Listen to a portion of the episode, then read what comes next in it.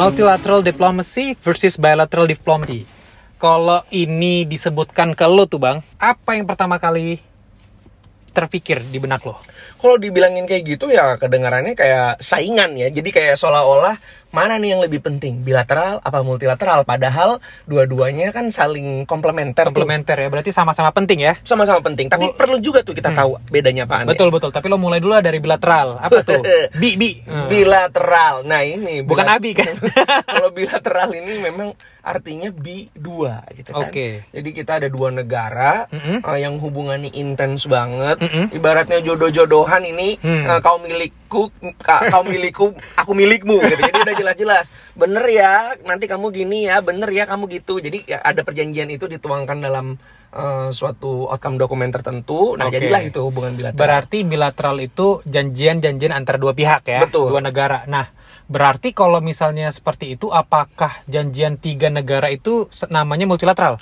Oh, tapi ternyata itu ada istilah sendiri tuh. Apa tuh? Trilateral. Waduh, Makin bingung. makin bingung. Tapi ya memang eh, cuman trilateral aja ya. Jadi Iya. trilateral, bilateral, eh, bilateral, terus ya habis itu multilateral gitu loh. Walaupun Benar. ada istilah-istilah yang dibuat, tapi biasanya orang tahu kalau udah lebih dari tiga itu multilateral. Iya, karena memang trilateral itu biasanya em, melambangkan kalau multilateral itu kan biasanya konotasinya kepada asosiasinya kepada suatu kerjasama di organisasi internasional Betul. atau ada suatu wadah tertentu. Kalau Hmm. trilateral itu biasanya ada suatu urgensi sehingga negara itu harus bertiga tuh Iya. supaya hubungannya seimbang untuk mencapai hal tertentu gitu. Jadi- Artinya Mm. hubungan ini mirip-mirip bilateral, Mm. tapi tambah satu aja ya Iya, kan? betul. Gitu ya trilateral. karena Gua- butuh di situ ya. Benar, gue inget tuh kalau trilateral tuh ada beberapa negara yang yang apa ya, janjian lah untuk membuat sebuah kesepakatan bertiga gitu ya. Iya. Jadi memang di, di- disebut trilateral agreement gitu loh. Sedangkan bilateral agreement ya memang kalau misalnya ada dua negara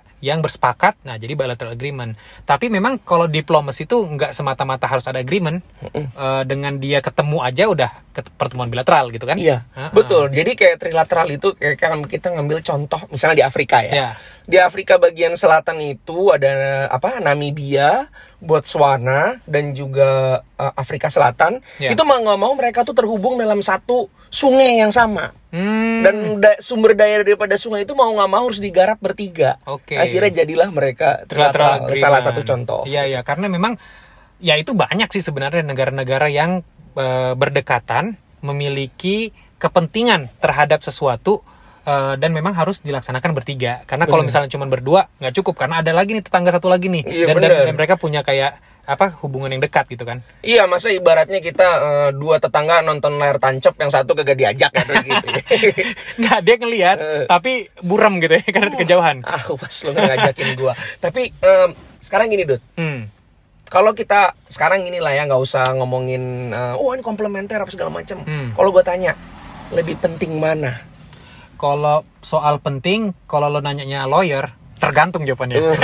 Uh, Gak ada jawaban pasti. Jadi memang jawabannya kalau untuk kali ini juga tergantung. Karena kalau misalnya yang dibahas itu adalah hal yang lebih konkret ya, dan memang hanya kedua negara inilah yang memiliki kapasitas untuk mem- me- apa namanya me, me- agree terhadap sesuatu, ya bilateral lebih lebih lebih akurat bang. Gimana menurut lo? iya benar. Kadang-kadang kan ada uh, memang permasalahan atau kerjasama yang memang spesifik. Kita tuh memang udah berniat untuk dilakukan berdua aja gitu. ya. Betul, lo bayangin misalnya perbatasan Mm-mm. antara lo sama negara tetangga, masa dibawa ke forum multilateral? Iya. Eh, kalau ini gimana? Tapi apa namanya? Eh, apa namanya tuh UN apaan tuh yang ngurusin perbatasan? Oh, Unclose. Kalau yang unclose itu memang dia kan sebagai eh, konvensi yang mengajarkan atau mem- memberi informasi lah dan juga norma-norma terkait bagaimana sih eh, pengaturan eh, laut gitu kan. Tapi itulah norma-norma dasar yang digunakan oleh negara-negara secara bilateral untuk menyelesaikan permasalahan maritime disputes-nya misalnya itu salah satu menjadi dasarnya gitu. Oh, jadi ini kerjasama yang sifatnya multilateral, tapi diperuntukkan bagaimana caranya menyelesaikan permasalahan bilateral di bidang perbatasan. Betul. Jadi memang konvensinya sendiri itu adalah norma dari multilateral diplomasi. Itu jadi menunjukkan bahwa sebetulnya eh, pada suatu eh, junction tertentu, celah junction, Hmm. itu eh, bilateral sama multilateral juga nggak bisa dipisahin ya kalau gitu. Betul, karena kalau misalnya kita outputnya bilateral tapi sebenarnya nggak ada dasarnya, Mm-mm. susah juga kita bersepakat. Iya bener gitu. juga karena gini bilateral itu kadang-kadang oke nih kita bikin agreement tapi dua-duanya kan bingung nih ini pertama kalinya nih aku kerja sama sama kamu gitu kan Nah, ya apa dong ini dasarnya gitu oh Iya. dasarnya ya kita pernah ternyata pernah ada tuh di UN kita refer Ya, aja ke situ. Oh pernah betul. di WTO kita refer aja ke situ gitu ya? Karena memang kalau misalnya itu adalah hasil yang sudah di apa disepakati di UN, jadi sebenarnya ini udah rules yang apply untuk semua. Dan negara-negara yang yang ber apa namanya berdiskusi atau negosiasi ini juga adalah party terhadap mostly ya misalnya UNCLOS tadi gitu loh. Jadi pas lagi mereka menyelesaikan masalah antara keduanya terkait hal maritim dalam hal ini ya tentu merefer sesuatu yang sudah disepakati bersama. Jadi lebih mudah untuk mereka gitu loh. nih oke sekarang kalau gitu Hmm. gua rephrase nih pertanyaannya Oke. ganti yang per- yang pertanyaan selanjutnya adalah mana yang lebih efektif nih mana yang lebih pola eh, apa namanya eh, diplomasi bilateral bilateral apa multilateral yang lebih lebih efektif dalam merekatkan hubungan antara satu negara dengan negara lainnya Nah, kalau misalnya lo mau dekat dengan satu negara, lain aja satu nih, ya bilateral. Tapi lo kalau mau rame-rame main lain ya multilateral. Oh. Nggak mungkin lo bilateral tapi lo nanti efeknya ke yang lain kan. Jadi memang eh, tergantung forumnya Oke. gitu loh. Jadi kalau misalnya kita mau dekat dengan sesuatu eh, sebuah negara, terus ada elemen-elemen tertentu nih yang emang lo mau tekankan gitu kerjasama bilateralnya bidang apa. Misalnya bidang bidang perekonomian bidang pertanian kesehatan dan sebagainya. Dan memang lo tahu nih negara tertentu ini dia jago di bagian itu. Ya jadi lebih mudah lo langsung ke dia. Dibandingkan lo misalnya cari semua orang di satu apa namanya forum yang gede banget yang mana nanti outcome-nya lo belum belum pasti juga dapet apa yang lo mau gitu. Benar. Nah sekarang gini. Oke gua terima. Tapi sekarang eh, ini biar teman-teman pendengar rostrum diplomasi kita pada pinter nih Mm-mm. Nah, kita yang namanya di dunia negosiasi kita nggak bisa nih uh, terpaku oleh satu prinsip jawaban aja. betul Sekarang gini, sekarang gue ya sebagai devil's advocate-nya nih gue bilang multilateral lebih efektif.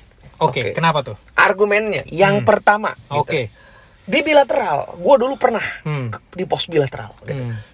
Ini orang mau ketemu sama eh, negara setempat itu, itu harus bikin surat yang banyak segala macam mau ketemu aja susah banget. oke mau ngobrol aja tentang hal-hal eh, yang kita inginkan untuk supaya kerjasama susah. ya Tapi di multilateral kita sidang tiap hari di sebelah kita, boy. Jadi kita tinggal colek, kita bilang, bro, gue pengen ngomongin hal sesuatu nih tentang lo. Oh, jadi komunikasi itu di multilateral itu lebih dekat karena eh, mereka kita ada dalam satu eh, satu skema multilateral sendiri dan ada wakil-wakilnya di sana. Kita tinggal shopping tuh. Nah, itu pertama. Oke oke. Terus terus terus. Kedua, Hmm. Nah, kedua adalah eh, di multilateral eh, dia tuh membutuhkan kita, kita membutuhkan dia. Jadi equal karena Iya. seperti eh, apa namanya rostrum kita yang sebelumnya nih. Nih. Eh, jadi kan kita bilang bahwa semuanya eh, punya eh, one vote, one one Oh. country, one vote. Ya. Dan dia secara stature di hukum tuh memiliki eh, equal vote. Jadi dia tuh Betul. ada kebutuhan sama kita. Jadi nggak ada cerita misalnya kita colek, misalnya gini negara gede sekalipun kayak misalnya Amerika. Bro Amerika, eh, kita mau ngomong nih, wah iya Indonesia apa yang saya bisa kita omongkan. Nah jadi karena mereka membutuhkan, jadi ada take and give yang ini bisa jadi bargaining chip kita. Gue setuju, gue setuju, gue setuju dua poin lo. Ini memang sangat-sangat valid. Tapi coba nih, lo lihat dari aspek cara pandang gue. Lo bilang lo mau colek orang di sebelah. Pas ketika lo mencolek di sebuah forum multilateral, tapi lo mencolek orang sebelah, itu jadi bilateral nggak jadinya? Pas lo ngecolek itu. Iya juga. Nah, ya, eh. Yang kedua, kalau misalnya lo ngomong di multilateral, terus nanti lo bilang bahwa kita bisa bargain-bargainin posisi, tapi apakah yakin yang posisi yang kita bahas di multilateral itu sama konkretnya dengan ketika lo hanya ngomong berdua? Gitu loh. Hmm. Karena yang pertama ini dia itu norm setting multilateral itu. Jadi memang gimana ya? Memang kalau ada frase mengukir langit itu bisa kita coba trans apa namanya translate bahwa memang itu akan menjadi norma-norma dasar yang akan digunakan oleh negara-negara termasuk dalam pertemuan bilateral nanti, Bang. Oh gitu, gitu, oke, oke. Jadi sebetulnya ya itu lagi jadi baliknya ya. Berarti Iya. ya, semuanya saling komplement. Kadang-kadang juga di multilateral ya negara itu mau dicolek karena Hmm. dia hitung-hitungan juga ke belakang. Wah bilateral gue sama negara ini oke nih. Betul. Misalnya kita colek Jepang, uh gue banyak investasi sini ke negara Indonesia nih. Makanya ayo kita saling colek mencolek kayak gitu. Jadi jadi yang jadi dengan hasil diskusi kita tentang yang poin pertama ini, jadi menurut gua dua-duanya ini sama-sama penting. Multilateral dan bilateral sama-sama terkait dan memang ada avenue tertentu memang multilateral itu bisa cepat gitu mengambil posisi dan mengambil apa namanya keuntungan, tapi di sisi lain bilateral itu bisa juga lebih konkret, orangnya juga lebih fokus, hal-hal yang mau kita pelajarin atau kita ambil dari tempat itu juga kita bisa lebih eh, dapatkan gitu karena memang kita fokus tuh dengan negara tertentu gitu loh. oke sekarang pertanyaan gue yang selanjutnya nih. Oke.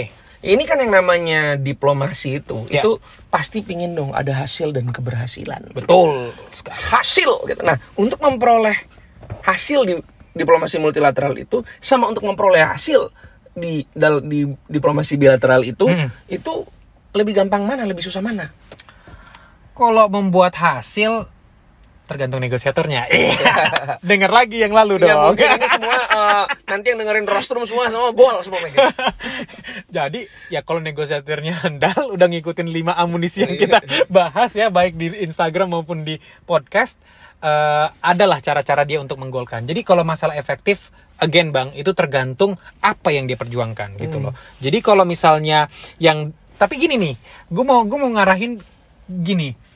Dengan lo melakukan diskusi di taraf bilateral itu sebenarnya diem-diem aja ntar kalian berdua nih gimana hasilnya lak apa namanya berhasil nggaknya negosiasi kalian gitu loh cuman kalian berdua yang tahu dan ya kalau misalnya pun kita mau ngomongin ke orang lain ya forumnya juga it takes time gitu jadi sebenarnya apa namanya face saving formulanya ini lebih main gitu kalau misalnya di di bilateral Coba terangin dulu face saving formula nih gimana nih maksudnya? maksudnya gini kan ada lah misalnya lo negosiasi terus lo ibaratnya dalam tanda kutip kalah Hmm, malu oke. lah lo di situ gitu Iya, loh bener-bener. nah tapi kalau forumnya forum multilateral eh sorry bilateral ya kan cuma berdua tadi ya kalau misalnya kita kalah lawan si B ya ya udahlah cukup kita kita aja lah. Jangan kau ngomong ke yang lain gitu lah intinya. Hmm, nah coba kau jelaskan multilateral itu gimana? Kayak gitu juga nggak? Ya enggak sih pasti ketahuan ya. Ya. itu maksudku. Jadi memang em, ketika ibaratnya apa em, keinginan kita nggak gol pasti ketahuan karena semua tertulis. Tapi Mm-mm. ada tapinya. Nggak mungkin suatu negara itu bisa mau eh, seolah-olah kalah begitu aja. Jadi Hmm. kekalahan itu nanti akan dibungkus gitu ya. Ya. Dengan kata-kata dengan fallback position mereka. Ya menunjukkan bahwa mereka nggak kalah-kalah banget akhirnya Iya. mereka kompromi oh ya ini bukannya kita menyerah tapi kita fleksibel nah, Betul. contoh seperti itu ya ya ini karena mungkin kita ingin agar penegosiasi ini tidak deadlock Betul. maju jadi kami adalah justru yang sangat proponen atau oh, pro diplomasi multilateral itu menuju kesuksesan nah kayak gitu Ini nunjukin lu udah lama nih di, di, di apa namanya di, di, di ruang sidang. Tapi pada ujungnya face saving formula itu tetap ketahuan bang. Oh, iya. Mau sebagus-bagusnya lo rangkai kata-kata itu, Hmm. nutupin apa namanya eh, kekecewaan lo lah ya dalam Iya. dalam bernegosiasi itu bakal ketahuan. Tapi itu semua normal karena namanya negosiasi, namanya berdiskusi ya ya apa namanya menang kalah in a way kalau kita melihatnya dalam perspektif itu itu pasti akan terang-terang eh, benerang ya. Mm-mm. Semua orang bakal lihat karena itu apalagi di UN Mm-mm. beberapa pertemuannya webcasted lo Betul. bakal ditonton ya masa dunia Mm-mm. terus ya kalau misalnya pun gak webcasted itu ada 193 negara belum lagi misalnya observernya ikutan bahas Mm-mm. gitu kan ya semua orang tahu apa yang lo omongin semua orang tahu apa yang eh, orang lain debatkan gitu loh Mm-mm. dan semua orang tahu conclusion akhirnya apa tapi ya memang kalau diplomatnya handal diplomatnya ulung walaupun dalam tanda kutip kalah ya bahasa-bahasa ma- mutiara tadi keluar Iya, lah itu intinya. Harus itu karena kita nggak bisa seolah-olah kayak nanti pun ini menjadi language yang bisa kita gulak gunakan juga untuk negara lain dan counterpart dalam negeri ya. Betul. Ini gue mau gue mau bawa poin poin berikutnya nih. Kalau menurut lo sebuah negara nih mau menggolkan eh, kepentingan negaranya, lebih mudah dia golkan di bilateral, apa dia di multilateral lebih mudah digolkannya gitu loh. Coba logikanya kita gimana tuh? ya sebetulnya kan kalau misalnya multilateral itu Hmm. harus biasanya itu menggolkan itu ya konsensus kan ada Iya. ada ada keharusan konsensus itu artinya semua negara setuju gitu kan Hmm. dan ini biasanya memang mekanismenya gitu tapi kalau bilateral itu kayaknya ya ini logika ya Hmm. lebih gampang ya karena yang harus Iya. diyakinkan hanya satu pihak Satu pihak. iya gitu Setuju gua.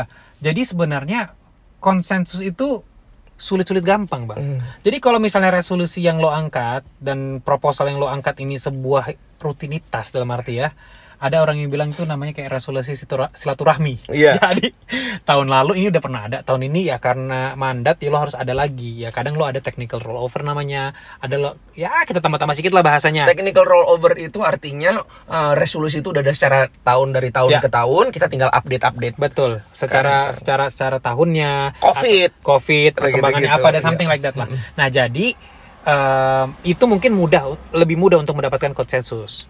Tapi untuk resolusi-resolusi yang sifatnya baru dan syarat dengan pertentangan gitu ya dari Hmm. negara-negara misalnya adidaya yang mempunyai posisi tertentu, mungkin ujung-ujungnya nanti voting. Nah, kalau dengan voting ya kita nggak tahu apakah itu sukses atau nggak sukses. Tapi dibandingkan dengan bilateral tadi yang seperti yang lo bilang, Mm-mm. ya bilateral cuma satu orang bang, udah kok oke jalan gitu loh. Kalau kalau kalau nanti yang voting ini terjadi dan misalnya menang pun, nanti pas lagi saatnya dibilang ini, memang resolusi kau itu udah di adopt, tapi itu it was voted. Iya. Optiknya kurang baik gitu ya, jadi Uh-uh. memang sulit. Jadi, nah sekarang gini, lompat ke tips and triknya nih. Oke. Nah, sekarang gue pengen kasih sepengetahuan gue nih, nanti lo tambahin Ya, juga Oke oke. mengenai bagaimana ini untuk anak-anak moon nih biasanya nih ya. Oke ya ya. Tips gimana caranya bisa resolusi konsensus. Ush. Waduh. Wish, wish, wish. Hanya di rostrum di bawah. Yang pertama, Mainkan. disangkanya orang bilang ini uh, strategi murahan, tapi ini enggak. Ini dipakai oleh negosiator handal sekalipun. Apa itu? Merujuk kepada agreed language. Widih. Iya, jadi artinya gini. Hmm. Ketika resolusi itu di um, apa namanya diajukan gitu. Ya. Biar dia full proof ya. Hmm. Biasanya kita merujuk kepada agreement atau uh, resolusi lain yang Ya. sudah secara konsensus sebelumnya sudah Diterima. diterima, Betul. oleh banyak orang. Jadi ketika ditanya, "Bang, ngapa ngajuin bahasa yang ini ya?" Oh, ini pernah ada di tahun 1980 gitu. Ente kagak baca? Oh iya, gitu lah, misalnya contoh kayak gitu. Oke. Jadi agreed language Masuk akal, masuk akal. masuk itu akal. bisa menjadi eh, apa? Jadi bahasa yang sudah pernah diterima oleh negara-negara sebelumnya gitu ya. Betul. Oke. Oh. Jadi itu itu biasanya Ya. eh, dapat menjadikan eh, konsensus. konsensus. Hmm, ya. Kedua, eh, Kedua. kedua, sebelum masuk ke wider membership, Mhm. godok dulu di grouping yang paling besar. Gitu. Jadi lo lo bermain informal gitu ya Betul. dengan grouping yang memungkinkan apa namanya eh, resolusi ini udah masuk gitu Benar, contohnya kayak gini. Waduh, kita negara kaya nih misal ya gitu. Hmm. Tapi negara paling gede negara kismin. Nah, Nah, gitu. Jadi iya, iya. kita eh, gimana caranya break si grouping ini yang paling besar yang punya paling punya pengaruh kita dekati agar mereka itu bisa relate sama bahasa Hmm, kita. hmm. Jadi di grouping itu kita mainkan negosiasinya dan eh, di situ kalau udah masuk ke dalam grouping nih, Hmm. ini nggak fair-fairan masa bahasa lagi nih, Hmm. bukan masalah bahasa lagi gitu Hmm. ngomongin masalah take and give gitu. Oke. Nanti kalau kau keluarkan bahasa yang di depan ini akan kami dukung. Nah, Hmm. nah, jadi di dalam grouping itu diselesaikan dulu. Kan skopnya lebih kecil, Betul. tapi dia memiliki eh, power yang lebih kuat. Iya, Contoh misal nih eh, kemarin ini kita ngomong masalah resolusi budget Iya, iya. ya gitu Oke, ya. oke. Misalnya oh ya, eh, negara A menginginkan agar orang-orang yang magang itu dibayar gitu. Oke. sementara Ya. sekarang kan orang magang di UN tidak dibayar misalnya ini ya Hmm. case gitu ya. Tapi gimana ini? Akhirnya dicari negara-negara kita grouping negara-negara yang pemagangnya banyak. Ternyata Oh. negara berkembang itu banyak sekali gitu Yang magang. Hmm. Oh, dan negara yang berpengaruh negara berkembang misalnya negara Brazil segala macam Ya. kita dekati take and give nanti kita oh kamu kan ada resolusi ini ABCD nanti bisa kita bantu juga dukung Mm-mm. itu masuk jadinya yang hanya sebetulnya segelintir itu seolah-olah itu adalah suara G77 kita harus tahu dulu Hmm. siapa pemain dominannya di negara berkembang itu Berarti berarti package deal lah ya. package deal Lo, lo mendilkan sesuatu Istilahnya itu. dengan mengambil orang-orang pionir di groupings tertentu yang nanti nanti pada akhirnya dia bisa mengakomodate lah ya. Iya. Nanti di groupingnya itu kan gitu maksud lo kan. one parcel One person. Tapi gini bang, gua gua setuju poin lo. Gua gua gak akan tentang. Cuman selama gua negosiasi nih, a great language itu poin pertama lo tadi itu emang keren pas lagi orang introduce. Tapi Iya. nanti dia bilang, are we discussing uh, resolution uh, year 2009 katanya. Hmm. This is 2021. we we agreed in 2009. Belum tentu 2021. Nah, ini juga pelajaran buat teman-teman rostrum nih ya. Jadi, jadi yang namanya em, senjata atau narasi seperti agreed language segala macam itu sebetulnya senjata ampuh. Betul. Tapi bagaimana kita memainkannya? betul. Jadi kadang-kadang satu negara bisa di satu resolusi dia bilang ini kan agreed language. Iya. Tapi negara lain, Mas, kalau ada agreed language ngapain kita negosiasi? Nah, Itu dia. gitu. Jadi jadi intinya Mm-mm. tergantung posisi kita tuh apa. Iya benar. Kalau misalnya posisi kita adalah mendukung agreed language, ya pakailah tadi posisi tadi. Iya. Terus nanti kita harus menjelaskan bagaimana walaupun itu misalnya di agreed 2009, 2021 tetap relevan Bah, gitu loh. gitu. Itu agreed language itu dan juga tadi parcel package eh, negotiation itu bagus untuk orang yang baru pertama kali masuk mu- multilateral. Multilateral. Waduh, tiba-tiba dia dapat tugas dari presiden nah, atau dapat Ah. dari eh, Ministry of Foreign Affairs atau dari mana pun lah yang memandatkan kita. "Ma, Ini bahasa mengenai ini harus masuk. Betul, Gimana nih? Lu pokoknya Hmm. gue mau ada bahas tentang ini. Nah, itu mungkin ada dua dua cara itu betul. cukup lumayan. Ada lagi nggak kira-kira? Untuk em, ini kan tadi lo yang sebenarnya tema lo besar tadi supaya bisa nanti barang ini konsensus kan. Iya. Nah, jadi kalau misalnya gua lihat dari yang lo sampaikan tadi itu udah bagus banget. Tapi ada trik yang lain sebenarnya. Timing. Jadi apa pun yang lo sampaikan, kalau timingnya itu nggak pas bang, nggak fly barang ini. Hmm. Jadi lo harus lihat ini lagi kondisinya lagi lagi berbahaya nggak nih misalnya eh, untuk menyampaikan isu-isu misalnya terkait dengan kesehatan, isu-isu terkait dengan misalnya climate change, Oh. isu-isu terkait dengan misalnya eh, financial. Hmm. Nah kalau misalnya ini lagi adem ayem, kemungkinan mungkin barang ini bisa fly sesuai dengan yang lo bilang tadi dua tadi itu di, dijalankan. Tapi kalau memang lagi lagi hot-hotnya gitu ya pembahasan soal in- eh, soal soal isu tersebut di tempat lain misalnya atau di komite lain berat juga sih bang gitu. Bang. Iya iya iya betul betul betul betul. Apalagi nih, apalagi di UN ini kalau kita ini lagi banyak yang fokus terhadap namanya streamlining. Nah, Streamlining agenda, streamlining resolusi, ada namanya sunset clause. Jadi udahlah, yang banyak-banyak ini kalian sikat aja kalau bisa dibahas. Ada nanti forum tertentu namanya alignment. Itu malah bilang ECOSOC, GE, HLPF dan lain sebagainya lo forum-forum yang punya agenda aja mirip-mirip. Sikat aja lah, dibuang aja kalau bisa gitu. Walaupun sampai sekarang banyak belum berhasil. Iya. Karena memang banyak banyak apa namanya banyak posisi groupings lah ya berbeda-beda. Tapi pada intinya kalau membawa atau mengintroduce resolusi tertentu yang tidak memberikan kemanfaatan yang real gitu ya. Misalnya kita mau latihan-latihan aja di masukin resolusi, ya kemungkinan besar bakal gagal juga gitu. Iya. Jadi memang harus ada nuansanya itu. Betul, jadi ini jadi strategi yang salah satu terakhir nih yang Betul. untuk di multilateral ya, di Betul. konsensus streamlining skill. Iya. Jadi gini, maksudnya streamlining ini kita susah amat nih ngomong bahasa Inggris mulu ya. Jadi gini, dua paragraf. Jadi kan gini, kalau di multilateral itu itu battle of paragraph ya sebetulnya. Ba- Battle of w- words naratif di eh, tulisan gitu. Nah, Ya. kita sebetulnya pengen A itu. Negara yang dibawa agak-agak, gue punya B. Hmm. Nah, dari A itu kita harus pilih mana yang prioritas, A1, A2, A3, apa 4 Hmm. Nah, nanti gimana caranya eh, bisa bahasa itu masuk juga ke bahasa mereka. Jadi apa yang dia mau dan apa yang kita punya, yang kita mau bisa masuk dalam satu paragraf. Betul. paragraf itu goal. Betul. Streamlining skill itu penting banget. Jadi Betul. selama berkarir kita ini ya, jadi negosiator Betul. dan segala macam itu, ujung-ujungnya kalau barang itu goal harus streamlining. Betul. Jadi jadi sebenarnya kalau poin gue ya, ini mungkin poin terakhir ya eh, terkait hal ini.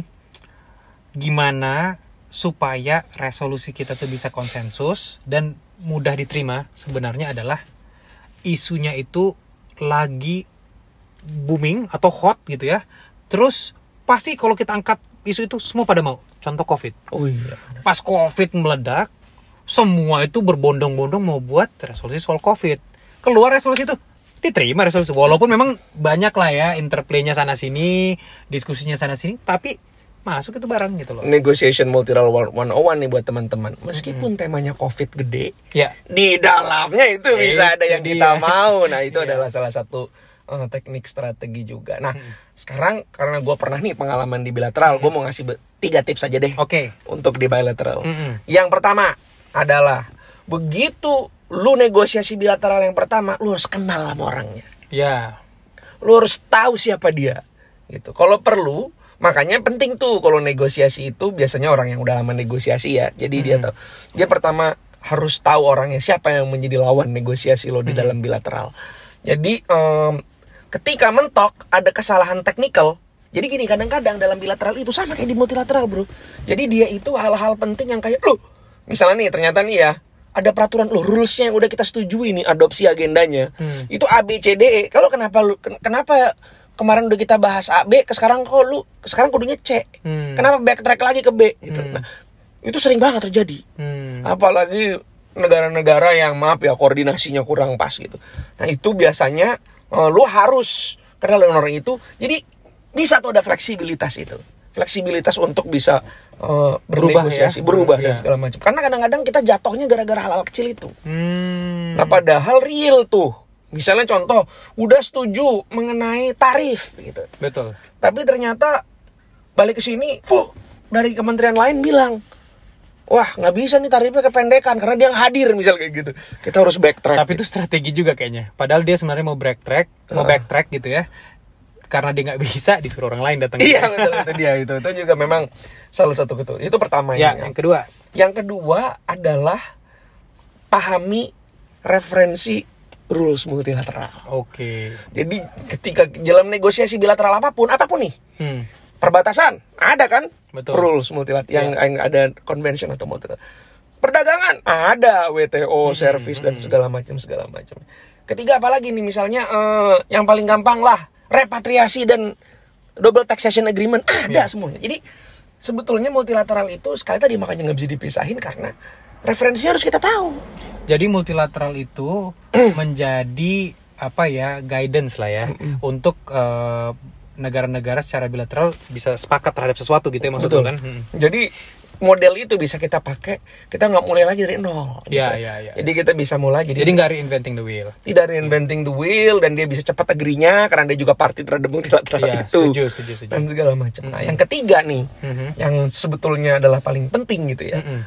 adalah sebelum lo berangkat negosiasi multilateral Hmm. si negosiator ini udah ngomong ke seluruh counterpart dalam negerinya.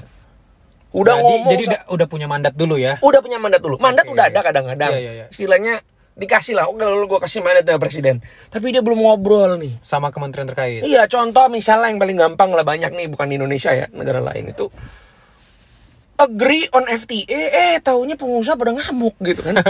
Jadi misalnya, lu kok bisa ini turunin apa segala macam. Siapa yang lu consult? Nah, itu Hmm. itu penting sekali. Jadi, Jadi nanti pas lagi kita udah sepakat ternyata nggak sepakat ya, karena karena belum holis secara holistik di, di- betul di- dibahas Nah, gitu ya. Itu sering terjadi dalam real negotiation dan Hmm. eh, penting juga bagi kita makanya sebagai negosiator untuk eh, tahu pasti bahwa apa yang kita omongin itu representing national condition. Betul. Tapi sebenarnya eh, apa namanya kalau melihat penjelasan tentang bilateral tadi, multilateral sebenarnya ada mirip-miripnya juga, Mhm. tapi untuk to some extent. Karena memang eh, bilateral ini memang kita harus benar-benar sampai grassrootsnya ya, Betul. sampai semua elemen itu sudah bisa agree terhadap itu dan akhirnya itu posisi nasional yang diperjuangkan. Mhm. Dan dan apa namanya di multilateral sih sebenarnya gitu juga, cuman karena memang eh, ini forumnya lebih lebih lebih luas dan dan temanya juga banyak banget akhirnya eh, walaupun itu sebenarnya dikerjakan juga tapi tidak tidak se se apa konkret misalnya